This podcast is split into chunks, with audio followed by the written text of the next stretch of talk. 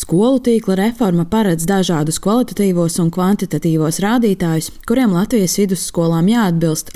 Visvairāk apspriests ir skolēnu skaita kritērijs. Dažādas nozīmes apdzīvotās vietās tas ir atšķirīgs. No 25 skolēniem vidusskolas posmā skolās Krievijas pierobežā līdz 120 skolēniem Latvijas lielajās pilsētās. Pēc datiem, kas iekļauti Izglītības un zinātnes ministrijas informatīvajā ziņojumā, atbilstoši skolēnu daudzums pērn nebija 100. 21 izglītības iestādē. Tas var nenozīmēt, ka jāreorganizē vai jālikvidē visas, jo jau sakārtojot daļu no skolām, citās skaits varētu izlīdzināties.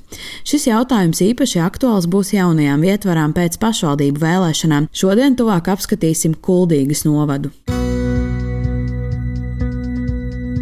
Tagad ir stundu, jā, šodien ir 12. Viņi taisa tests, un tad viņi nāk klātienē divreiz nedēļā, un tāpēc direktori mācās matemātiku. Kamēr gaidu Kuldīgas mākslas un humanitārās vidusskolas direktori un viņas vietnieci, aprunājos ar dežuranti Gunu.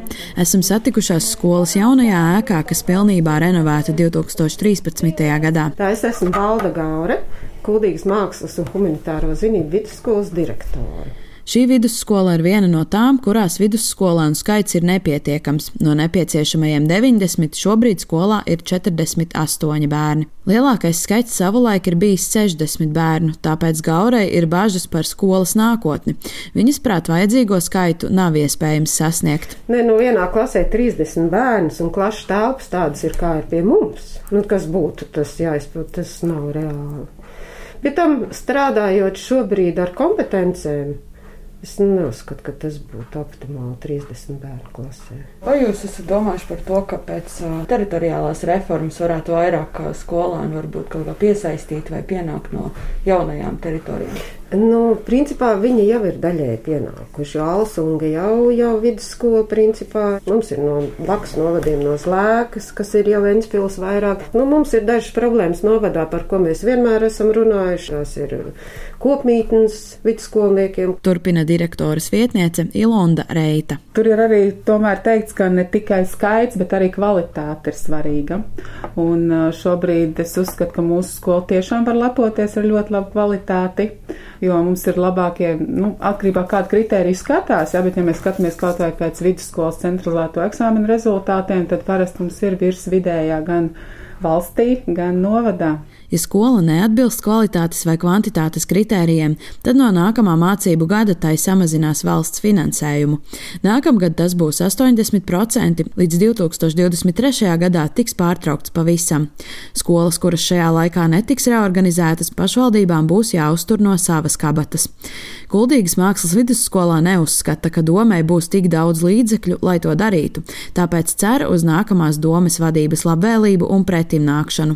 Tikmēr kādā citā pilsētas skolā, Kuldīgas otrajā vidusskolā, pārmaiņas jau notiek, stāsta direktore Guntra Buivida. Mums lēnām beidzās vidusskolas posms, šogad pēdējā klase beidz, un tad mēs kļūsim par pamatskolu.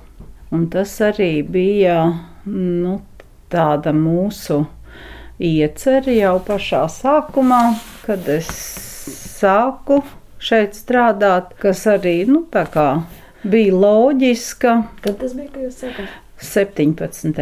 gadā.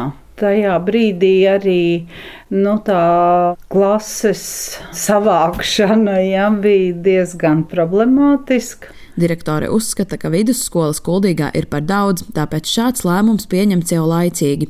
Šobrīd skolā liela uzmanība pievērsta speciālajai izglītībai. Ir vairākas klases bērniem ar mācīšanās grūtībām, un normālā izglītības režīmā šie bērni iesaistīti dažādās ārpusskolas aktivitātēs, piemēram, uzvedumos. Kad pieņēma lēmumu izglītību vidusskolas posmā neturpināt, lielas neapmierinātības no skolotājiem vai vecākiem nebija, taču process nav bijis vienkāršs, skaidro Buļvida risināt šo jautājumu nav vienkārši, jo viņš ir sāpīgs. Un droši vien, ka vieglāk ir tad, ja arī tā skola izprot objektīvo situāciju un objektīvi risina to problēmu. Ja sākās subjektivitāte, tad jau tur sākās kari. Bet, kā saka, karš jau nekādu labu rezultātu nekad nedod. Visbūtiskākā šādu pārmaiņu laikā ir pašvaldības komunikācija ar skolas vadību, skaidro direktore. Kuldīgas otrajā vidusskolā oficiāli reorganizācijas process vēl nav uzsākts. Tas notiks nākamgad.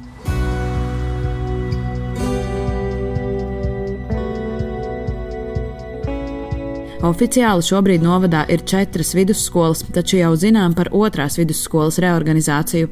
Mākslas un humanitārā vidusskola, Kuldīgas centra vidusskola un Viļa plūdoņa Kuldīgas vidusskola.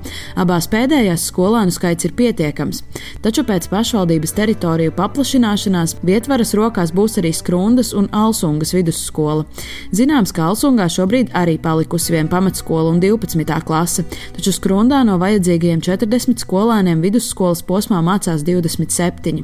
Kādu nākotni novada izglītības iestādēm paredz kandidāti uz mēra krēslu, savu redzējumu stāsta pašreizējā domas priekšsēdētāja Inga Bērziņa, kura kandidē no partijas Kuldīgas novadam. No Alstungas vidusskolā ņemot skolnieku skaitu, es viņu šobrīd saskatu kā spēcīgu pamatskolu, Skrundas vidusskolu gan man gribētos redzēt kā vidusskolu, jo Skrundā, lai arī pēc reformas nebūs novada centrs, tomēr tā ir pilsēta, un arī tāds um, transporta mēzgals uh, stundas vidusskolu, tur šiem jāmēģina ir atrast kādu, varbūt, um, kā tagad saka, nu, tie dažādi izvēles grozi, varbūt vidusskolas posmā jāatrod ir tas raksturīgais. Un tas, pie kā mēs šobrīd strādājam, tas ir, kā Kuldīgas mākslas un humanitāro zinību vidusskola iespējams varētu nākotnē kļūt par kādas no augstskolas uh, vidusskolām. Vēlēšanās piedalās arī deputātu kandidāti no jaunās konservatīvās partijas Latvijas attīstībai,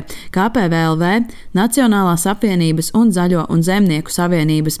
ZZS saraksta pirmais numurs Ruta Karloviča uzskata, ka jāatrod veids, kā saglabāt mākslas un humanitāro vidusskolu. Ja skatās uz šī brīža situāciju, tad, protams, ne Alsungā, ne Skrundā tas vidusskolas posms nav atbilstošs skolēnu skaits ziņā.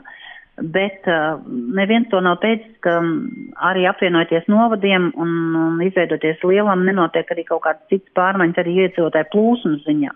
Ja mēs koncentrējam vidusskolas izglītību kuldīgā, tad uh, attālums nav tik liels no Skrundas un no Alsungas, lai kuldīgas vidusskolas neuzņemtu šos skolēnus Par to, vai Karlovičs vadībā doma vidusskolas posmu šajās skolās varētu slēgt, kandidāte prognozēt nesteidz. Kopumā pēc IZM datiem pārmaiņas no nākamā gada piedzīvos 34 izglītības iestādes. No tām četras vidusskolas kļūs par pamatskolām, vairākas apvienos, bet divas vakara vidusskolas slēgs. Varētu šķist, ka pēc reformas kritēriju apstiprināšanas valdībā pašvaldības aktīvāk kārtos skolu tīklu, taču dati rāda, ka iepriekšējos gados izmaiņas piedzīvojušas vairāk izglītības iestāžu. Kāpēc tā skaidro pašvaldību savienības padomniece izglītības jautājumos Ināra Dundure. Šobrīd jau pēdējos trīs gadus pašvaldības neatver vai nu desmito klasi, nu jau ir divas klases neatver, desmito, vienpadsmito, ir pašvaldības, kurās eh, vidusskolas jau strādā pēdējo gadu, tātad 12. klase, un pēc tam tiks samazināta izglītības pakāpe. Formāli, ja mēs paskatāmies statistiku, protams, šie visi pasākumi, viņi nav redzami.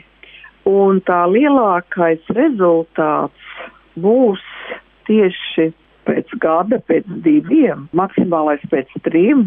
Dundura skaidro, ka lielas izmaiņas gaidāmas arī nākot pie varas jaunajiem domju sasaukumiem, jo daudz viet mazākās vietvaras savas vidusskolas ilgstoši uzturējušas arī tad, ja tas nav ekonomiski pamatoti. Apvienojoties, šādu tendenci varētu mazināt vai izskaust. Ekonom geogrāfs Jānis Turlais savukārt stāsta, ka reforma ir sen gaidīta un situācija ar skolu tīklu ir ielaista.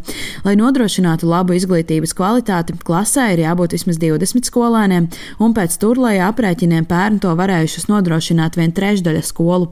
Viņa prāta izmaiņām būtu jānotiek daudz straujākā tempā. Es domāju, daļai arī tā ir, ka gaida šīs jaunās pašvaldību vēlēšanas, jo, protams, jebkuras skolas slēgšana tas ir ļoti tāds nu, nepatīkams uzdevums pašvaldībai un nepopulārs. Bet uh, tas skumjākais ir tas, ko es redzu, ka šobrīd no tām jaunveidojamām pašvaldībām, nu 42, ir tikai viena pašvaldība, kur varētu teikt, nu gandrīz viss šajā ziņā ir izdarīts. Ekonomisks geogrāfs runā par salaspili, kur vairākas skolas jau reorganizētas. Ar skolu tīkla reformu Latvijā plānots gan uzlabot izglītības kvalitāti, gan optimizēt finansējumu nozarē, samazinot skolu skaitu un padarot izglītības iestādes pilnākas ar skolēniem, tām būs vairāk naudas. Protams, bez sāpīgiem lēmumiem tas nenotiks. Paula Dēvica, Latvijas radio.